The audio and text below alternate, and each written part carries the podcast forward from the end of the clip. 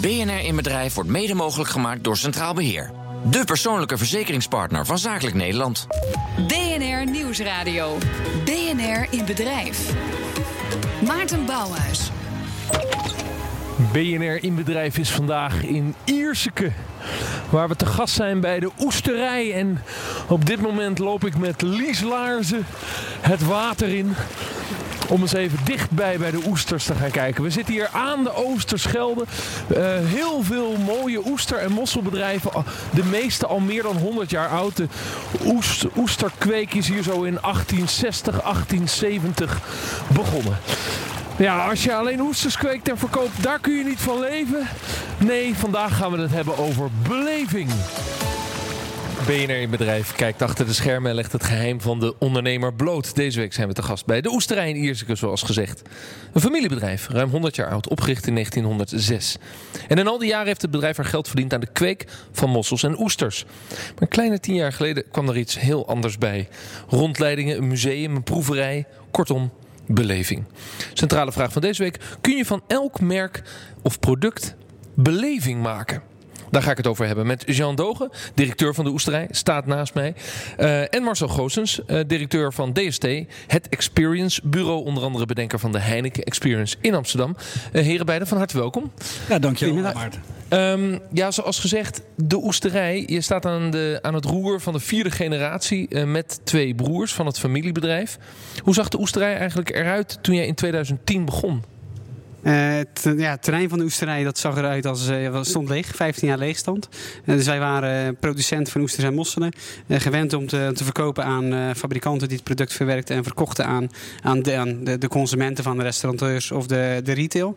Um, en toen kochten wij hier het oude terrein, 15 jaar leeg, en zijn we op gaan knappen en gaan ja, renoveren. Dus het zat eigenlijk ook niet op dit oude terrein? Nee, nee we hadden puur ja, twee boten varen die wij kweekten en wij hadden geen terrein waar we ja, onszelf konden laten zien. Want uh, ik stond in, hoe noemde je dat ook weer? Dat kunnen we op het filmpje zien wat ik op LinkedIn zal zetten. De oesterbak was het ja, Oesterputten, ja. Oesterputten. Uh, en dat zijn wel hele oude oesterputten. Ja, die, die al meer dan 100 jaar hier liggen in Ierseke. Ja, die zijn in 1870 gebouwd. Dus enorm veel historie. Maar we zien dat bepaalde functies van die oesterputten toch in de loop van jaren zijn, zijn komen te vervallen. Waardoor ook gewoon een, toch wel bijna een derde deel van heel die oesterputten leeg, leeg stond. En enigszins vervallen begon, begon te raken. Nou, voor de luisteraar, een oesterput is een bak water van ongeveer een meter diep. van een meter of 20 bij, bij 10 grofweg. En dan liggen die hier 10 van die bakken naast elkaar. Uh, maar het is gewoon het, het Oosterscheldewater wat in en uit stroomt. Ja. En waar de bakken met oesters dan onder water liggen, waarom liggen ze daar? Dan liggen ze daar nog uit te rusten of te wachten op de verkoop? Waar, hebben we het over? Ja, maar kweken in oesters duurt ongeveer vier jaar. Dat gebeurt in het Grevelingenmeer of in de Oosterschelde dan in Zeeland. En dan als ze consumptie rijp zijn, dan worden ze geoogst. Worden ze in de oesterputten geplaatst. En daar staan ze minimaal een week in om zandvrij te, te worden. Dus tijdens de oogsten komt er wat zand in, in de oester. En dan de oesterputten spuugt dat zand uh, weer uit, de oester zelf. En dat is het idee en daarna kunnen ze dus uh, verkocht worden. Toen heb je dus hier het terrein gekocht. en wat is er daarna veranderd? Uh, nou, ik moet zeggen, in tien jaar tijd is het enorm, ja, behoorlijk wat veranderd. De oude roods hebben we ingericht met, uh, met informatie. Mensen kunnen hier gratis rondwandelen en informatie krijgen over oesters, over mosselen, maar ook over kreeft, een ander mooi Zeeuws product. We kunnen het proeven. Dus we hadden eerst een, een horeca proeflokaal waar maximaal 12 mensen konden zitten. Uh, kunnen inmiddels ietsje meer ook plaatsnemen. en een winkel waar mensen het vers kunnen, kunnen kopen. Was het nodig? Je nam het over van je vader. Was het nodig om dit te doen? Had je ook door kunnen gaan en kunnen groeien in gewoon maar oesters kweken en verkopen op de zakelijke markt? Had gekund. Wij hadden niet de financiële druk om, om dit te moeten doen. Uh, alleen wij dachten wel de noodzaak om, zeker ook internationaal, een, een merk en een verhaal te creëren, is dit wel enorm van toegevoegde waarde. Uh, en nodig om dat te kunnen bereiken. En wat betekent het nu? Hoeveel bezoekers krijg je ongeveer per jaar? Uh, ik denk dat we afgelopen jaar tussen de 120 en 150.000 bezoekers uh, hadden. Uh, internationaal, dat is ook belangrijk. Dus enorm veel mensen uit België. Maar de grote ook... meerderheid komt van buiten Nederland. Ja, ja absoluut. Ja. Maar ook uit Azië, uit Amerika, dus overal vandaan. Ja. Ja. Het oude ambacht van oesterskweken is toch heel iets anders dan een museum en een proeverij runnen. Daar ben je zelf ook verkozen tot horeca-ondernemer van het jaar hier in Zeeland. Heb je de expertise van buiten gehaald om, laten we zeggen, beleving te gaan toevoegen aan het, aan het kweekbedrijf? Ehm, ja, ik heb zelf een commerciële achtergrond. Dus ik heb commerciële economie gestudeerd. Dus daar heb ik wat een en ander meegekregen. Um, en ik zag gewoon de kansen. Dus, dus doordat ik hier opgroeide, ik ben in Ierske geboren, uh, dacht ik van hier kan toch iets meer. Er kwamen al veel gasten hier naartoe om gewoon product te zien, de herkomst. Uh, Ierske is, toch bekend voor de herkomst van oesters en mosselen. Alleen uh, de mensen werden nog niet echt met open armen ontvangen. Of er was geen, ja, geen bedrijf die er echt op richtte. En toen dacht ik van ja, daar liggen wel kansen. Ja, maar zoals jij hier rondloopt. Wat, wat, wat, wat denk je allemaal? Ik bedoel, dit is, jouw, dit is jouw leven. Jij bent uh, de hele dag bezig met hoe, hoe kunnen we die belevingsstap zetten als ik een product of een dienst heb. Ja. Nou, als ik hier rondloop, dan heb ik sowieso wat een mooie authentieke plek. Uh, fantastisch uitzicht over de Oosterschelde. En uh, ja, eigenlijk heel Ierseke staat uh, bol van de kwekerijen van oesters en mosselen. Vond je het nou... Wat ik eigenlijk verbazend vind, dat uh, de gemeente daar niks mee doet. Hè? Dat is een van die iconen. Uh, en dat kan ja, een soort front portal zijn om meer toeristen naar Ierseke te trekken, waar alle ondernemers van profiteren. Want we zitten hier aan de dijk, uh, Sean, maar er zitten een aantal meer mooie restaurants. Is dat allemaal in diezelfde afgelopen 10, 15 jaar tijd ontwikkeld? Ja, meer, ja, merendeel van de laatste vijf jaar. Dus je ziet echt pas van de laatste tien tot vijf jaar dat het is, uh, is gekomen. Ja. En gaf het je nou een gastvrij gevoel al, Marcel, toen je hier kwam aanrijden? Uh, nou, ik, ik, ik, de dijk is natuurlijk vrij smal. Uh, toevallig wordt er nu ook gewerkt. Met, er worden mooie stijgers gemaakt. maar het is, het is wel een gave plek. Als je kijkt naar het uitzicht, dan heb je toch wel een beetje wauwgevoel. Ik kan me ook voorstellen dat je hier rondloopt, Marcel, en dat je denkt, er zit nog veel meer in. Oh, absoluut, absoluut, zeker. Uh, wat, wat, wat ik natuurlijk heel leuk vind en echt heel goed vind, dat je verhalen bent gaan vertellen. Dus ik, ik, ja, is dit voor jou de 1.0 versie? of, of zeg je... Ja, ja zeker. Nee, nee, nee, nee. Het is voor ons inderdaad ook een start. Dus wij, wij zijn dit gestart. We hebben best wel... We begonnen op een oud terrein. Dus ook behoorlijk wat veranderingen met... met um, ja, um, hoe zeg het? De, de, wat er mocht van de gemeente. De toestemmingen. De, Was het moeilijk om de gemeente mee te krijgen... om hier een horecavergunning um, te krijgen in plaats van wat het was? Namelijk de oesterput? Het was niet moeilijk, want de gemeente stond er echt achter. Alleen je hebt toch met een bestemmingsplan te maken. Een bestemmingsplan wijzigingen. Uh, toch ook wel verschillende belangen in een gebied. Uh, dus dus uh, we hebben altijd wel de steun gevoeld. Alleen gaat het misschien niet altijd zo snel als dat je zelf wilt. Dus of we klaar zijn, nee, absoluut nog niet. Dus we hebben nog een hoop ideeën ja. waar we denken... Maar, van, Marcel, dat is fascinerend. Hè? Dus je hebt een dorp als Ierseke. Dat is inderdaad, zoals Chant zo mooi zegt, echt bekend om zijn oesters, zijn kweken, zijn mossels. en dan vindt zo'n misschien relatief conservatief dorp, conservatieve gemeente, het lastig om zeg maar, vol gas te geven daarop. Kom je dat nou vaak tegen als er ambitieuze ondernemers zijn die zeggen: Ik wil wel, maar de, de overheid uh, uh, ziet het niet of wil dingen bij het oude blijven? Houden? Nou, uh, ik ben dat twee jaar geleden tegengekomen. Toen had ik de burgemeester en wethouders van Gouda mee langs een aantal projecten van ons in Amsterdam. En ik sprak toen met uh, Milo, de burgemeester. Uh, en uh, ik vroeg hem van, joh, waarom kiezen jullie als stad niet? Je hebt een paar iconen, maar één van de grootste iconen is die Gouda-kaas. En de hele wereld kent Gouda-kaas, maar niemand kent Gouda. Dus als je daarvoor kiest en, en een goede experience daarover neerzet... dan wordt het een publiekstrekker waar de hele stad en alle ondernemers van gaan profiteren. Nou, gelukkig hebben ze geluisterd. dus de Gouda Cheese Experience die, opent in januari haar deuren... En uh, er waren ook een paar ondernemers uit Gouda die zeggen van nou, ik, ik uh, heb een warm hart met Gouda, dus ik, wij willen dat graag gaan exporteren. Uh, dus toen hebben we zeg maar, met de gemeente en allerlei andere partijen en sponsors hebben we eigenlijk gezorgd dat de investering mogelijk werd. Uh, en ja, nu komt hij er. Ja, maar het overtuigen van de gemeente en het, het inzicht van de gemeente dat ze daar zich toe, toe, zouden moeten gaan inzetten, die is cruciaal, want zonder dat uh, kun je er niet komen. Uh, en in Gouda is dan een goed voorbeeld. Of loop je ook wel eens met ideeën rond waarbij, waarbij een gemeente zegt: Nou, sorry, maar even, wij hebben liever geen 150.000 toeristen per jaar hier over de dijk? Nou, ik denk dat iedere gemeente heel graag toeristen wil. Dat is goed voor de werkgelegenheid en goed voor de indirecte inkomsten. En voor alle ondernemers die er zijn. Uh, alleen wat uh, vaak een probleem is, ja, hoe uh, krijgen we de financiering rond? want ja, wil je een goede experience neerzetten, is wel een kapitaalsintensieve investering. Ja, ja, hoe is dat bij jullie gegaan? Want je bent natuurlijk gaan bouwen. Je moest eerst hier het terrein kopen en vervolgens daarin investeren. heb je dat vanuit, als familiebedrijf vanuit eigen middelen kunnen doen? Of was, is, is er ook een grote lening bij, bij moeten komen om die stap te kunnen zetten? Ja, daar zien we ons voordeel. Het is uit eigen middel kunnen, gedaan kunnen worden. En ik denk dat het anders ook niet had gekund. Uh, als ik zie, het terrein is 4.500 meter uh, ja, vierkante, vierkante, vierkante ja, meter. Ja. Uh, met 30 vierkante meter lichte horecavergunning. Dat was eigenlijk het enige wat wij hier qua verdienmodel hadden. Ik denk niet dat één investeerder had gezegd van... hé, hey, daar gaan we eens echt volop investeren. Ja, maar dan komen we bij dat verdienmodel. Verdien je nu uh, op een andere manier geld dan daarvoor? Ik bedoel, hoezeer is die horeca ook een belangrijke inkomstenbron geworden? Eh, het is voor ons wel de drager van het terrein. Dus wij zien het wel uh, als een, stukje promotie. Dus de horeca betaalt gewoon mee. Ook aan het innovatieve, aan het verhaal vertellen. Uh, zodat we ook het terrein gratis ja, toegankelijk kunnen blijven houden voor bezoekers. Ja, dus het is gratis voor bezoekers om het terrein te bezoeken en naar de exposities te gaan. Ja. en dat moet worden terugverdiend met een glas wijn en heerlijke oesters in het restaurant. Precies. Ja. Is dat eigenlijk de meest logische business case in zo'n geval? Uh, nou, als, je kijkt naar de 2.0 versie, uh, dan uh, zou ik er een betaalde experience van maken. waarbij je eigenlijk altijd eindigt in de horeca en de shop. En ja, je hebt natuurlijk veel meer uitbreidingsmogelijkheden. Ik denk dat heel veel mensen het ook fantastisch vinden om ook met zo'n boot naar zo'n oesterbank te gaan. Of naar waar de mosselen gestoken worden. Ja, klopt, ja. Kijk, daar wil ik het nou straks zeker over hebben, die 2.0 versie. Want is uh, beleving, beleving zo essentieel dat ieder bedrijf daar iets mee moet doen? Of is het een hype die misschien op een gegeven moment ook wel weer voorbij is? Dat straks in BNR in Bedrijf.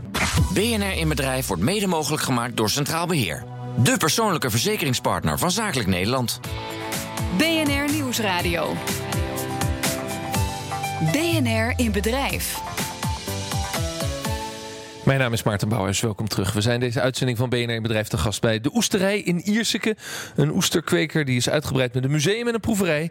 Um, en uiteraard een heerlijk restaurant. We praten erover uh, hier. Uh, we hebben net de oesters gegeten en we praten over beleving. Dus ik voel de beleving wel.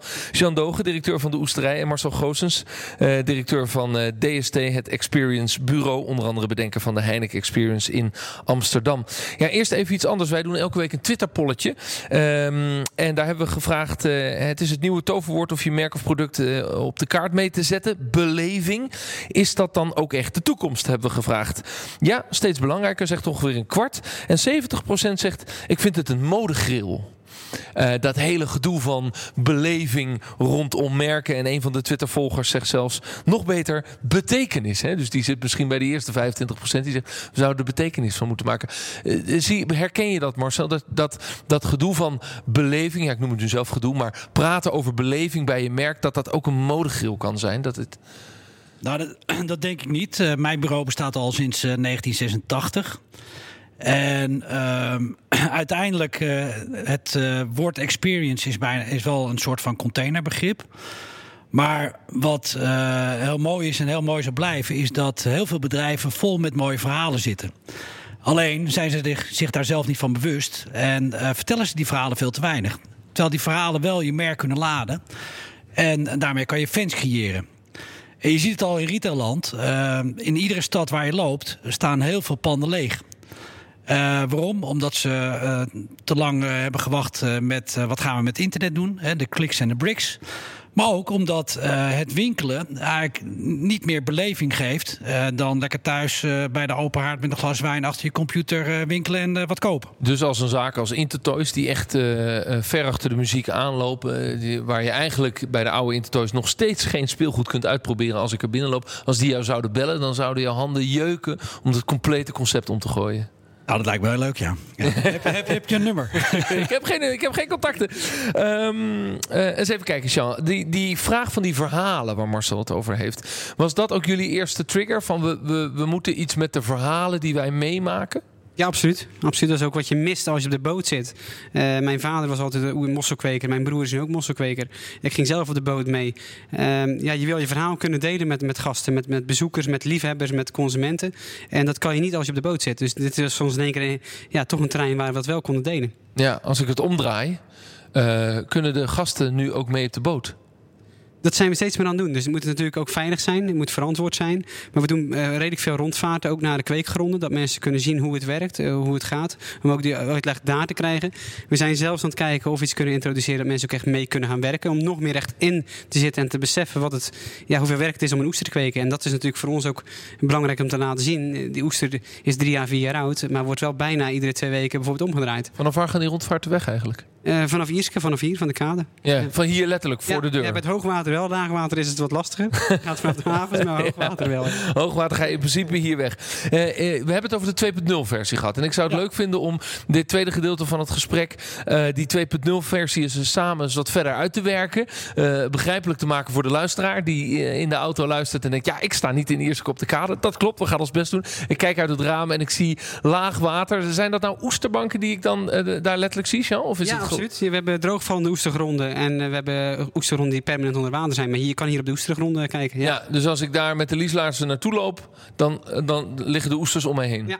En Ja. zijn dat dan ook jullie banken? Want zo werkt het. Hè? Je hebt als eigen oesterkwekerij een aantal hectare Ja. met, met banken. Ja, klopt. We hebben hier op de Oosterschelde hebben we 21 verschillende stukken grond, percelen noemen we dat, van 5 hectare grond. Allemaal met hun eigen karakter, eigen stadia van, eh, van de oester. Juist. Maar Nou, mag je dan zelf ook oesters rapen als je daar loopt? Ehm, wel als, je, als ik toestemming geef. Dus uiteindelijk, de, degene die wij, wij proberen natuurlijk producten te kweken. Dus wij, wij zorgen dat daar kleine oesters liggen. Eh, daar steken we heel veel aandacht in. Dus we willen ze ook zelf het liefste oogsten. Niet dat een derde die allemaal gaan, eh, gaan oprapen. Er zijn gebieden overigens in de Oosterschelde waar je ook vrij mag rapen. Die zijn ook duidelijk aangegeven waar je oesters kan, eh, kan pikken. Ja. Ja. Ik stel deze vragen, en Marcel kruipt lekker dicht in de microfoon. Ik stel deze vragen allemaal om een gevoel te krijgen bij aantrekkingskracht. Want dat is waar belevenismarketing over gaat, Marcel. Aantrekkingskracht. Ja, dat klopt. Ja. Eh, en dan die verhalen vertellen. Eh, hoe zou je nou met elkaar de volgende stap kunnen zetten om, om naar die 2.0 versie te gaan? Welke vragen zou jij dan gaan stellen? Nou, ik zou eh, sowieso eh, veel dieper in willen gaan op wat zijn hele mooie verhalen die jullie hebben. Wat gebeurt er aan boord? Zodat je eigenlijk een soort rijke themakaart krijgt. En uiteindelijk gaat het om vertelbare verhalen. En een vertelbaar verhaal is een verhaal wat een bezoeker na kan vertellen.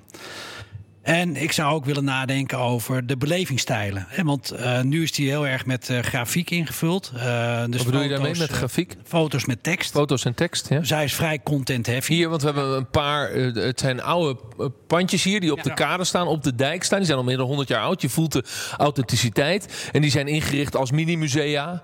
Ja. ehm, eh, over mossels en over oesters. Maar dat is foto's en tekst. Dat, dat is wat het Eigenlijk is. is het nu foto's en tekst. En je hebt dan één beeldscherm waar natuurlijk een film getoond Eh, ik vind het sowieso hartstikke goed.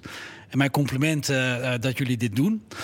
Eh, maar wil je naar de 2.0 versie, dan zou je ook veel meer moeten nadenken aan alle leerstijlen die een bezoeker heeft. Want de ene bezoeker die luistert graag, de andere die kijkt graag, de andere is meer hands-on ingesteld. En de andere leest graag. Dus er moet eigenlijk voor ieder wat wil zijn. En ik zou nadenken, want volgens mij komen er ook best wel veel Duitsers, denk ik. Ehm, ook wel steeds meer, ja. ja. Het is geen grote groep, maar wel steeds meer. Ja. Oké, eh, dus misschien aan eh, meertalig of eh, iets van een audiotour. Zodat je eigenlijk iedereen in zijn eigen taal kan Ja. bedienen. Ja. Ja, want het is nu Nederlands en Engels. Ja. Wat was toen je het maakte, hè? wat je nu hebt? Hè? Want je Ja. zegt zelf, wel, ik wil ook wel naar mijn 2.0 versie. Maar wat je nu hebt. Wat waren de moeilijkste dingen om te maken, om te bedenken? Ehm, nou, wat, wat wij altijd hier in de gedachte hadden, dat het bedrijf moet door kunnen gaan. Dus het is echt een, een, een bedrijf waar, waar gewerkt wordt, waar gelost wordt, waar ingepakt werd. eh, inmiddels nu dan niet meer.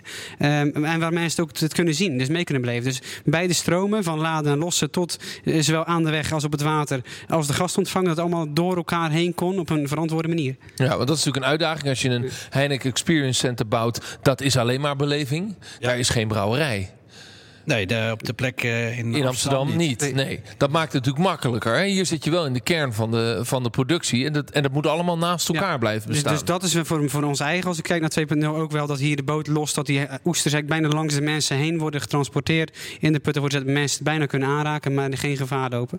Maar dat is ook ja. het mooiste. Hè? Dus, eh, dus eigenlijk alle ingrediënten, ingrediënten heb je al. Want je bent hier op de authentieke plek. Eh, wat echt een hele rijke eh, heritage heeft. En authenticiteit is bij beleving heel belangrijk. En vertel de verhalen op de plek waar het gebeurt. En heel veel mensen vinden het heel leuk om een kijkje in de keuken te krijgen. Hoe dat productieproces en dat kweekproces en de verwerking gaat. Nou is het interessante, Marcel, dat jij net zei... ik zou bij mijn 2.0 versie ook kijken naar de betaalbaarheid van de beleving. Oftewel, reken een ticket voor überhaupt hier komen. Zo Ja. vertaal ik het dan even. Zou je dat zien zitten? Zo, Kun je daar iets... Je moet heel erg lachen zelfs, ja, Kun je er is iets een- meer voorstellen? Ik kan me er wel bij voorstellen, absoluut. Vind je, het- vind je het Ehm, ongasvrij? We hebben er nog niet over nagedacht, dus we hebben nog niet eh, hier ook overlegd. Omdat wij eh, altijd het doel hebben gehad om juist iedereen kennis te willen laten maken met het product. Ehm, en zo min mogelijk grenzen daarvoor willen, willen opleggen. Ehm, kijk, uiteindelijk gaat het ook om de kwaliteit die je wil meegeven aan de consument. Dus misschien dat daar inderdaad al een prijskaartje aan hangt. Dat je zegt, er moet toch iets binnenkomen om nog betere informatie te Ja, geven. want wat is nu dan de, de stroom? Ik bedoel, je, je zei al van dit moet zichzelf kunnen bedruipen. Dus het restaurant kan dit bedruipen. Maar daarmee is het, eh, is het nog geen grote extra inkomstenbron voor het bedrijf. Nee, kijk, voor ons is het belangrijk dat mensen ons product zien. Eh, dat ze meer informatie krijgen over hoe het wordt gekweekt. En uiteindelijk hoop ik dat er ook meer mensen met onze eigen Zeeuwse oesters gaan werken in de restaurants. En waar ze, ja, en thuis bij... eh, Dus Marcel, Ontvang je ook eh, eh, bedrijfsgroepen hier? Of Ja. is het alleen maar de toerist? Ja, nee, zeker. Dus voor ons is ook de horeca bijvoorbeeld is een hele belangrijke doelgroep. We, we krijgen hier heel veel keukenteams, chefs op bezoek... eh, die hier wel inderdaad workshops doen met oesters eh, die wij kweken. En bijvoorbeeld één hele leuke is dat wij, toen wij hier vroeger begonnen... hadden wij heel veel grote oesters die we over hadden. Die konden we eigenlijk niet kwijt. Eh, we hebben eh, redelijk wat te jam groot? sessies gehad, die waren te groot. Ehm, we hebben ze hier op de proeverij bij onszelf eh gratineerde oesters gestoomd van gemaakt... die jullie net hebben gegeten. Eh, chefs mee laten, een jam sessie er mee laten doen. En in één keer, een paar jaar later, hadden, konden ze allemaal kwijt. Dus dat is ook toegevoegde waarde van wat we, wat we doen. Ja. Nou, Dat is heel belangrijk, want Ja. uiteindelijk eh, heb je daar natuurlijk de grote aantallen. Eh, Marcel, tot slot. eh, Vind jij dat, dat elk merk, type product, eh, eh, be- belevenis kan worden? Ik bedoel, als voorbeeld, Achmea eh, eh, opent eh, dinsdag deze week eh, zijn eigen museum. En zelfs een verzekeraar kan het. Kan het voor elk merk en elk product? Eh, voor heel veel merken en heel veel producten wel. Ik, ik heb eh, moreel met een aantal eh, producten zou ik moeite hebben. Eh, ik reed toevallig toen ik hier naartoe reed langs eh, Philip Morris. Ja, Dus ik zou nooit een experience voor een sigarettenmerk willen maken. Of ook nee, nooit een experience zou je teruggeven. ja, voor, eh, voor wapenhandel. Maar ik denk wel dat eh, ja, heel veel producten en bedrijven hebben mooie verhalen. Dus eh, ja, deel die verhalen. Eh, want dan kan je ambassadeurs kweken. Ja, wat is het belangrijkste wat je wilt toevoegen komend jaar? Jean? Ehm, ja, nog duidelijker informatie. Dus dat mensen echt snappen als ze hier weggaan. Inderdaad, in een paar korte zinnen. Dat ze zien van, oh, zo werkt om een oester te kweken. En, en daarom vind ik het belangrijk om, eh, dat ik weet hoeveel ik er hoeveel moet spenderen ook. Ja. Centrale vraag van deze week. Kun je van elk merk of elk product eigenlijk beleving maken? Jawel, behalve dan de ethische morele dilemma's. Maar het zou zomaar eh, moeten kunnen. En hoe begin je dan? Nou, je begint volgens mij als ik hier rondloop met 1.0. Gewoon maar doen en het verhaal vertellen. Eh, maar als ik naar Marcel luister, denk ik, ga op tijd nadenken over de 2.0. En uiteindelijk kan het een aparte business case worden. Met zelfs een eigen entree. En dat zie ik hier zo eh, in Ierseke. Eén groot schaaldier experience center. Jean, wat uit jouw koker komt, maar wat je samen met de andere ondernemers gaat doen. Ik zie het hier nog wel ontstaan. Dat, is, Als eh, ik, dat is een eh, ultieme uitdaging. ja. Als ik, als ik eerlijk ben. En Marcel, denk graag met je mee. Jean Dogen, directeur van de Oesterij. En Marcel Goos is directeur van eh, het experience bureau DST. Dat was hem alweer BNR in bedrijf. Volgende week zijn we er weer. Dan zijn we te gast bij AdHand in Amsterdam. Een bedrijf dat begon als activatiebureau. En consumenten aan een merk wilde laten binden. Maar het roer ging om. AdHand stortte zich op gamification. Leren met behulp van games voor de zakelijke markt. Wil je hier dan bij zijn? Mail ons in bedrijf.bnr.nl. En binnenkort brengen we alle verhalen van de afgelopen weken samen tijdens ons event BNR in Bedrijf The Battle op 26 november in Amsterdam. Daar kun je bij zijn. Meld je aan via bnrlive.nl. Bedankt voor het luisteren. Tot volgende week. Dag. BNR in Bedrijf wordt mede mogelijk gemaakt door Centraal Beheer. De persoonlijke verzekeringspartner van Zakelijk Nederland.